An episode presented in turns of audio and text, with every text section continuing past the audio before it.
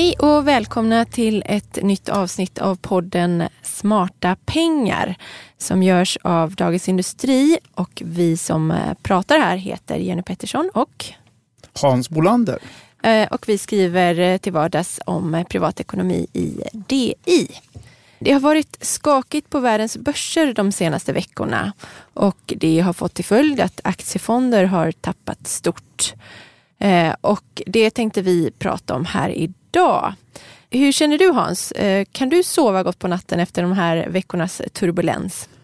Ja, det gör jag. Det har inte påverkat min nattsömn. Men alltså, jag tror inte att det här är Armageddon. Vi kommer inte åka ner i käpprätt med 40 procent i källan. Det tror jag inte nu.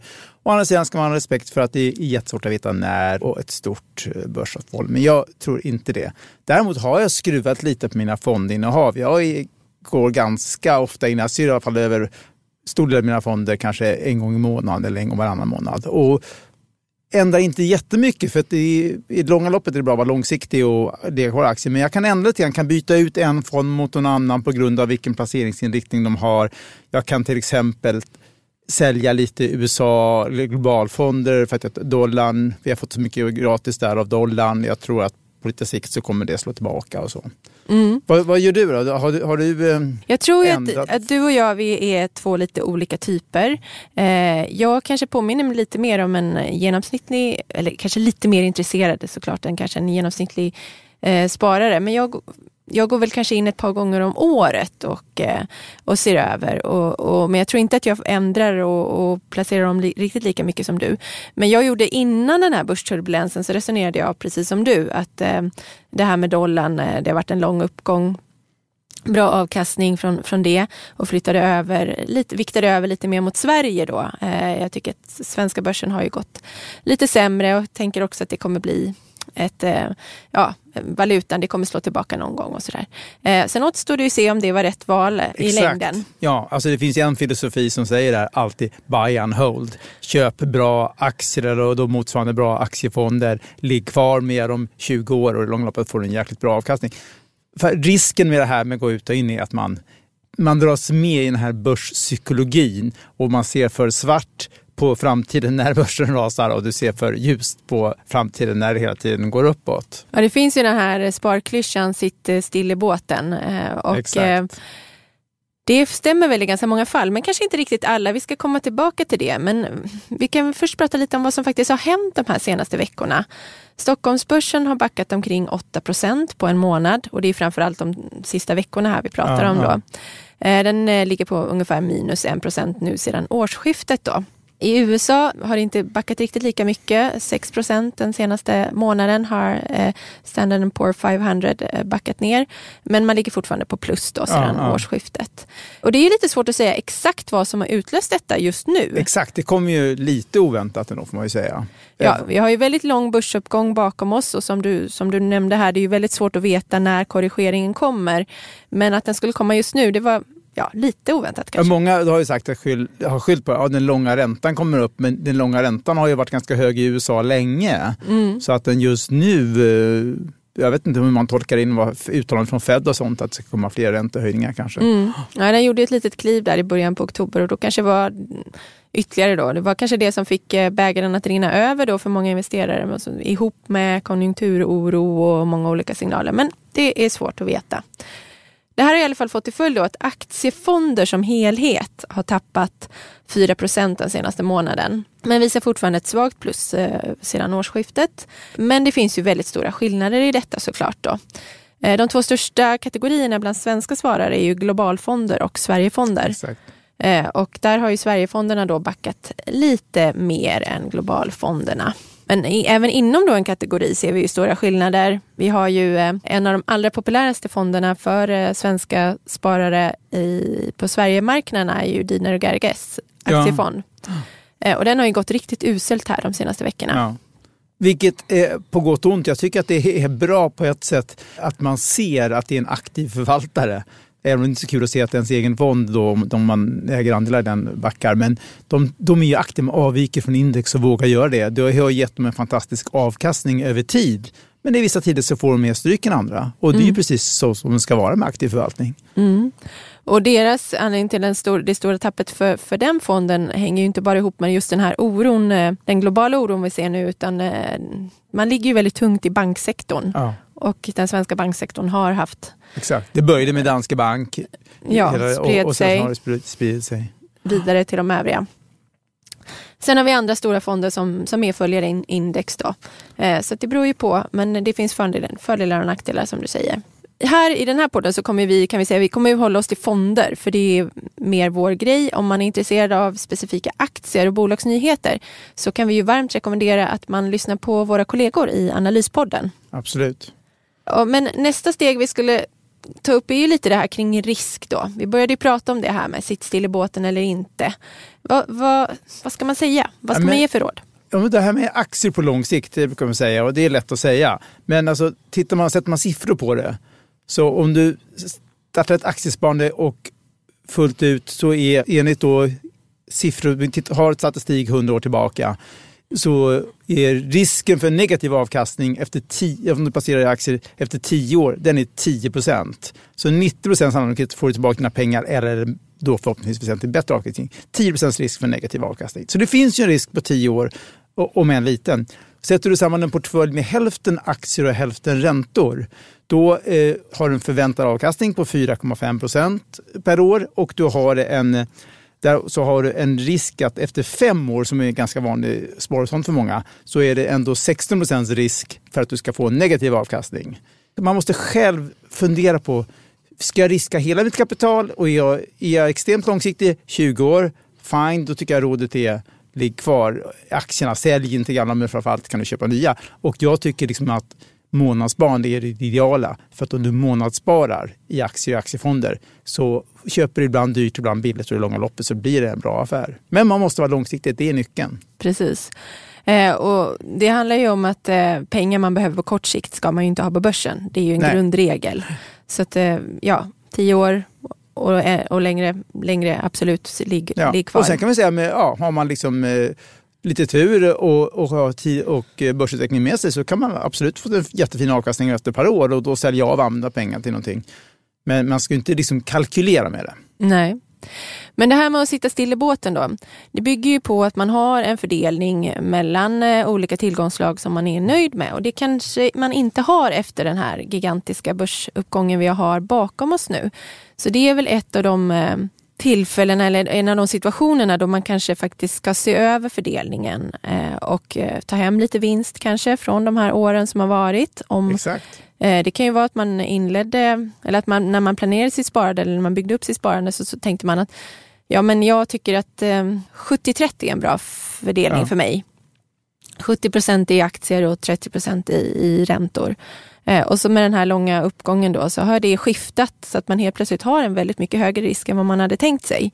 Och då kan det ju vara tillfälle, det här kan, då kan en sån här börsoro bli en bra, en bra påminnelse om att det är dags att inte sälja på grund av att börsoron utan mer för att justera sin risk till en nivå man är nöjd med. Absolut. Och här finns det ju faktiskt fonder och sånt som kan hjälpa, hjälpa en på traven. Dels finns det det som kallas för blandfonder eller mixfonder. Vissa har då en statisk mix, alltid 50-50 eller 70-30. Och eh, så finns det de som är mer aktivt förvaltade som flyttar lite grann efter, börs eh, och ränteläge. Eh, jag uppskattar ju de senare, för de tar ju ändå hyggligt betalt i de här eh, blandfonderna. Du får betala en slant för det och då tycker jag att de ska vara aktivt förvaltade. Annars har jag ingen lust att betala pengar till dem. Då kan jag själv köpa en, en billig aktiefond och en billig räntefond och göra den där fördelningen och komma mycket billigare undan. Det finns, då, då, det finns ju några aktörer som har prisvärda låga avgifter. Till exempel, bara för att nämna några, är AMF och eh, KPA. De kostar, jag tror de kostar 0,40 per år i förvaltningsavgift, vilket är ett bra pris för den typen av förvaltning. Mm. Eh, precis, för har du en dyr blandfond då betalar du ju väldigt mycket för ränteförvaltningen som Exakt. borde vara nästan gratis. Ja, I eh, dagens så. lågränteläge borde det vara det. Ja. Mm. Men sen har vi också det som det är jättevanligt i pensionssparande, det är ju så kallade generationsfonder där man med åren sänker risken och och säljer av eh, aktier och ökar andelen räntebärande. Mm. Så för den som inte vill engagera sig så mycket så är ju blandfonder ett bra alternativ. Men som sagt var väldigt uppmärksam på eh, vad de har för eh, profil och vad de har för avgift. Ja. Vad man får för pengarna. Det finns ju någonting som, eh, en nyhet nu är ju det här robotsparandet. Det man kallar för robotsparandet, automatiserat sparande. Och det där, det finns ju, vi har ju nya aktörer som heter Opti, Lysa, Better Wealth. Det finns också liknande på Avanza och, och Nordnet. Det där är samma tänk. Man har mm. det som på fint finansspråk kallas allokering. Det vill säga, du, du får spara på ett antal frågor, ofta, inte särskilt avancerat. Sju, åtta, tio stycken kanske, mycket risk du tar. Och sen så placeras pengarna i olika typer av fonder eller sådana här så kallade ETFer. Alltså för, det finns fördelar med det här tycker jag. Det är att de har, det, är en, det är en ständig allokeringstjänst. Om du bestämmer för en risk att du vill ha eh, medelhög risk, då en gång i månaden eller fortlöpande så ändras det här så att du kommer tillbaka till den hela tiden. För annars blir det ju så att om börsen gått väldigt bra, då har ett, plötsligt har du kanske 90% aktier och 10 räntor och det var inte den risken du sa att du ville ha. Nej, nej, du har ju följt det här, du har ju bland annat eh, en egen liten Exakt, jag och min kollega Love Strandberg har, ja. har portföljer här för att följa det. Exakt. Så, har du varit nöjd med det? Ja, det har hittills varit, det har funkat väldigt bra. Eh, men då kan man säga att det har varit i klimat där börserna i huvudsak har gått uppåt. Det är intressanta lackmustestet. De är inte testade i nedgång riktigt Nej, ännu. Nej, det är de inte. Så det är intressant. När det blir mm. riktigt stökigt på marknaden, klarar de av vad de lovar då? Det mm. återstår mm. att se. För vad säger, skulle du säga var fördelen med, med det, den typen av förvaltning kontra en blandfond? Ja, det är att, du, att eh, de håller fast vid den risknivå som du valde en gång i tiden valde. Det finns en liten risk här som är på den egna psykologiska nivån. Det är det som en kollega påpekade att Ja, men om det, om det blir jätteskakigt i börsen och du själv har valt medelhög risk, då kanske du ändrar om din sparprofil och säger till roboten, nej nu vill jag ha låg risk. Och då faller ju liksom hela modellen. Modellen är att man ska köpa mer aktier när det, när det är turbulent på börsen och, och, och då funkar det inte längre. Men det är ju ändå upp till dig själv. Precis. Ja, då, låg, ska säga det, låga avgifter är, liksom, det, här, det är ju därifrån det kommer det här robotsparandet. Man utnyttjar tekniken till att ha låga avgifter för förvaltning. Men ändå en, det är en etablerad modell, så kallad Yale-modellen, hur man ska förvalta kapitalet bakom det hela. Så att, mm. ett bra tänk bakom. Nu sa du här i, i förbifarten att uh, köpa mer aktier när, när det går ner. Ja. Uh, och uh, det är ju många som ja, på DS egen analysavdelning och, och, många investerare som har intervjuats i DE nu de närmaste veckorna som pekar på just det, att det, här, det kan ha uppstått väldigt bra köplägen här de här veckorna. Så att är man långsiktig så ska man snarare ägna sig åt det istället för att vara orolig och sälja. Och det kan vi också då överföra på fonder, att det kan vara ett jättebra tillfälle att gå in kanske med engångsbelopp Exakt. i vissa, viss, vissa sektorer ja. som har backat mycket om man ja. tänker att en sparande ska vara då på 20 års sikt kanske. Vi har ju till exempel den här stora korrigeringen, det är framförallt teknikfonder som har fallit Precis. mest. Och då, ja. har man ju pratat mycket om att de har varit väldigt högt värderade och så. Helt plötsligt kanske prisnivån har kommit ner lite så att man tycker att det är värt att sätta in lite där. Ja, vår kollega Magnus Dagel granskade ju Sjunde AP-fonden, Sveriges absolut största fond. Och där stod ju teknikaktier för 22 procent av den här enorma fondförmögenheten. Så att när de backar rejält då kommer det ju synas även i en sån stor megafond som Sjunde AP-fonden. Mm. Eh, en av de populäraste fonderna de senaste åren har ju varit Swedbank Robur Ny, Ny Teknik. Och hur mycket har, och den, den, har, den har faktiskt fallit 10 procent på en månad nu. Ja. Eh, men då var den ju, är den ju fortfarande upp 13 procent sedan årsskiftet. Ja. Så en annan ganska populär fond är ju DNB Teknologi.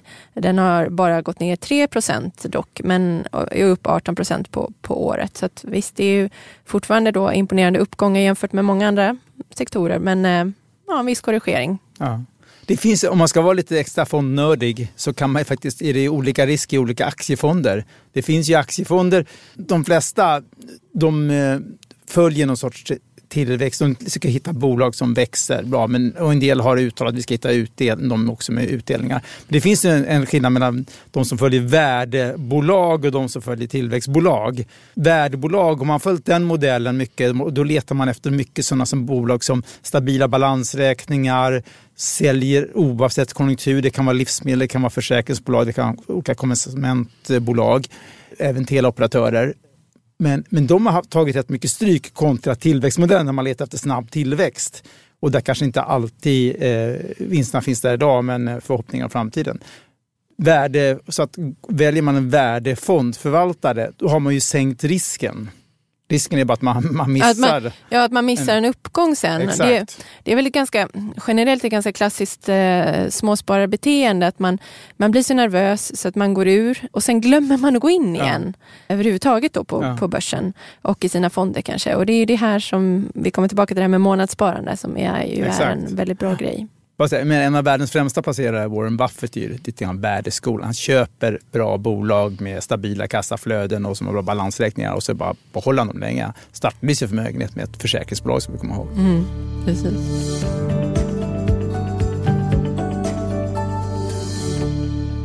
Det pratas ju då en del, för den som känner sig orolig eller för den som kanske känner att de behöver minska andelen aktier, i alla fall aktiefonder, om vilka alternativ som finns. Och tyvärr så är det ju inte så att det står som spön i backen bra alternativ till eh, börsen.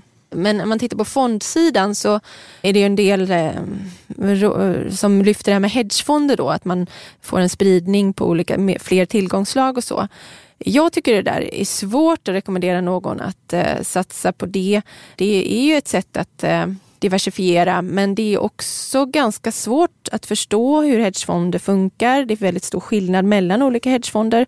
Vad skulle du säga till någon som inte är superintresserad eh, eller eh, jättekunnig? Tycker du att det är bra? Med Då säger jag avstå. För att man måste sätta sig in i hur de fungerar. Det finns jättemånga olika förvaltningsstilar. Och förut kunde man möjligen säga för tio år sedan att ja, det finns ett antal förvaltare som klarar sig i alla väder. Nej, det var inte sant. När det kom finanskrisen 2008-2009, finansstormar, jättemånga bra tidigare förvaltare som lyckats körde i diket, gav negativ avkastning.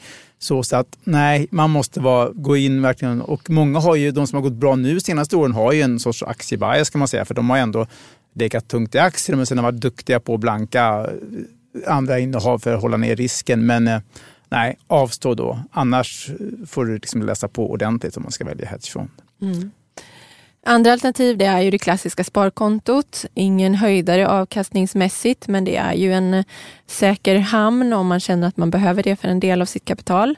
Absolut. Vad får vi där? 0,5 0,6, 0,7 är det väl om man då ska välja med fria uttag och insättningsgaranti vilket man ju självklart alltid ska göra. Ja. Eh, och det täcker ju inte inflationen ens en gång, men det är ju i alla Nej, fall... Den är 2 procent. Den är 2 procent, men det är något i alla fall. Det är bättre än noll. Ja. Ett annat alternativ är ju företagsobligationer. Då, alltså Penningmarknadsfonder eh, ger ju i stort sett ingenting men vissa företagsobligationer... De har ju gått back i år till och med, penningmarknaden. Precis. Då, där är ju faktiskt sparkontot ett bättre alternativ. Ja. Då. Men det finns en del företagsobligationsfonder som ändå har gett eh, någon eller ett par eh, procent. Då. Men där måste man också vara uppmärksam för det finns ju olika typer även där. Eh, de som Absolut. har gått bäst det är ju de high yield-fonderna och då, det innebär att de investerar ju i företag med låg kreditvärdighet eh, ja. och då finns det ju en, eh, en viss risk med det. Det finns ju ett par exempel. Carnegie High Yield till exempel som är nära 3% upp i ja, år. Spiltan högräntefond. Spiltan högräntefond tillhör också de bättre. Eh, men vill man ha lägre risk då ska man leta efter fonder som investerar i investment grade. Då, ja. Men då kommer man ju också få lägre avkastning. Sen har vi ju det klassiska guldet. Ja, men hur säger du? Ja, men köper du, du kanske köper lite guldsmycken och lägger i Nej, värdeskåpet hemma? Jag har helt avstått från, från den investeringen faktiskt. Hur, hur har du gjort själv? Ja, nej, jag faktiskt investerar inte i guld. Men eh, Alltså det, det, finns ju en god tanke bakom det hela, för guld är ju en värdebevarare. Men den har ju en aktie har ju fördel bolag växer med vinster och utdelningar och sånt. Guldet växer ju inte av sig själv. Det kan bli marknadssvängningar på grund av att nu till exempel är det många som tror att eh, asiatiska centralbanker dammsuger marknaden på lite guld. Och det har startat lite. Det är väldigt låga guldproduktionsvolymer i världen just nu. Man har investerat lite i guldgruvor för priset har backat rätt rejält under, under ett par år. Så att, däremot så tror jag att det kan vara intressant att gå in för den som verkligen känner att ja, nu vill jag sälja av en del aktier och ha det säkrare. Att det går ju att köpa guldtackor. Det var ju populärt under finanskrisen och hemma ett kassaskåp då, men jag vet inte, det känns lite bökigt. Ja. Men ETF, börshandlade fonder som är viktiga mot råvaran guld. Sen kan man ju spekulera i om de här guldproducenter, de är också nere på historiskt låga nivåer, många guldproducerande bolag.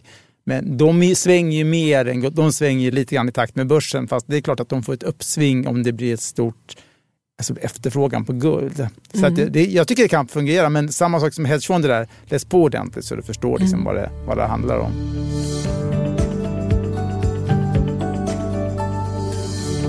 Men nu när vi eh, alldeles nyss var inne på räntor här så finns det ju andra sidan av det myntet då, eh, när det är svårt att få någon avkastning från räntor. Det är ju så att det är billigt att eh, låna. Ja. Och eh, kanske har man utrymme att amortera på sitt lån lite extra om man eh, är högt belånad. Det, de här låga räntorna innebär ju eh, lite ny situation det här med bundna räntor. Ja exakt. Som är nästan ligger unikt nära de, de, de rörliga. rörliga ja. Ja, hur har du själv gjort förresten? Nej, men jag, jag har faktiskt ett lån har jag bundit nu precis till tre år. För då var det, premien för att binda var som 0,1. Så vi fick väldigt bra på tre år. Jag tror att det är min, jag kan ha fel, men inom en treårsperiod så tror jag att de rörliga räntorna kommer röra sig lite grann uppåt. Och då har jag den här tryggheten under tre år så är den här väldigt med låg. Det finns ju vissa banker där det till och med är lägre treårsränta än, än rörliga. Om man tittar på genomsnittsräntorna, precis. Ja, Då har vi sett några exempel ja. på det. Ja, men, och, och, vi har en kollega här, en annan kollega på DI, Viktor Munkhammar berättade ju att de här upplåningskostnaderna för bankerna har ju dragit iväg ganska rejält. Så förr eller senare så kommer det slå igenom på, på bolåneräntan. Nu kanske då vi har, vi har lite konkurrens nu äntligen på bolånemarknaden, vilket gjort att de kanske har hållit igen. Men förr eller senare kommer det här att ge högre rörlighet. Och sen beror det på, får vi se hur Riksbanken agerar nu här i veckan. Och eh, om de ger tydliga signaler om att räntan kommer höjas i december, då kommer vi i alla fall, tror jag, få se stigande räntor. Kanske inte nu direkt, men kanske i december, kanske i januari. Men då har du bundit Hans, men det betyder också att du inte har några planer på att flytta. För Exakt. där det... finns ju en, annars ja. en fallgrop. Ja, det, det, så det är verkligen för och nackdelar med. Man ska inte flytta för då kan du ju tvingas betala en, eh, premie för att, eh, en avgift helt enkelt för att lösa upp lånet. Jag tycker Engelsman också gör 50-50. Man kan ju låsa, om man tror att det är ett bra tillfälle så kan man ju eh, ta halva lånet och låsa det och så kan du ha hälften rörligt och den där halvan som är rörligt den kan man ju använda då ditt tips till att amortera om man får pengar över eh, om jul och skinkan blir lite billigare än väntat och sådär.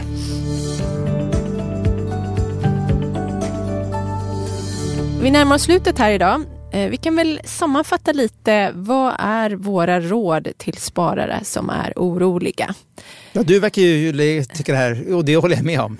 Sitt still i båten. Sitt still i båten. Har du båt eller? På landet? En liten eka ja, ja. har vi. Den skulle jag inte vilja åka ut i just nu, men eh, i höstvädret. Men eh, ja, sitt still i båten förutsatt att du har en riskprofil som du är nöjd med. Exakt.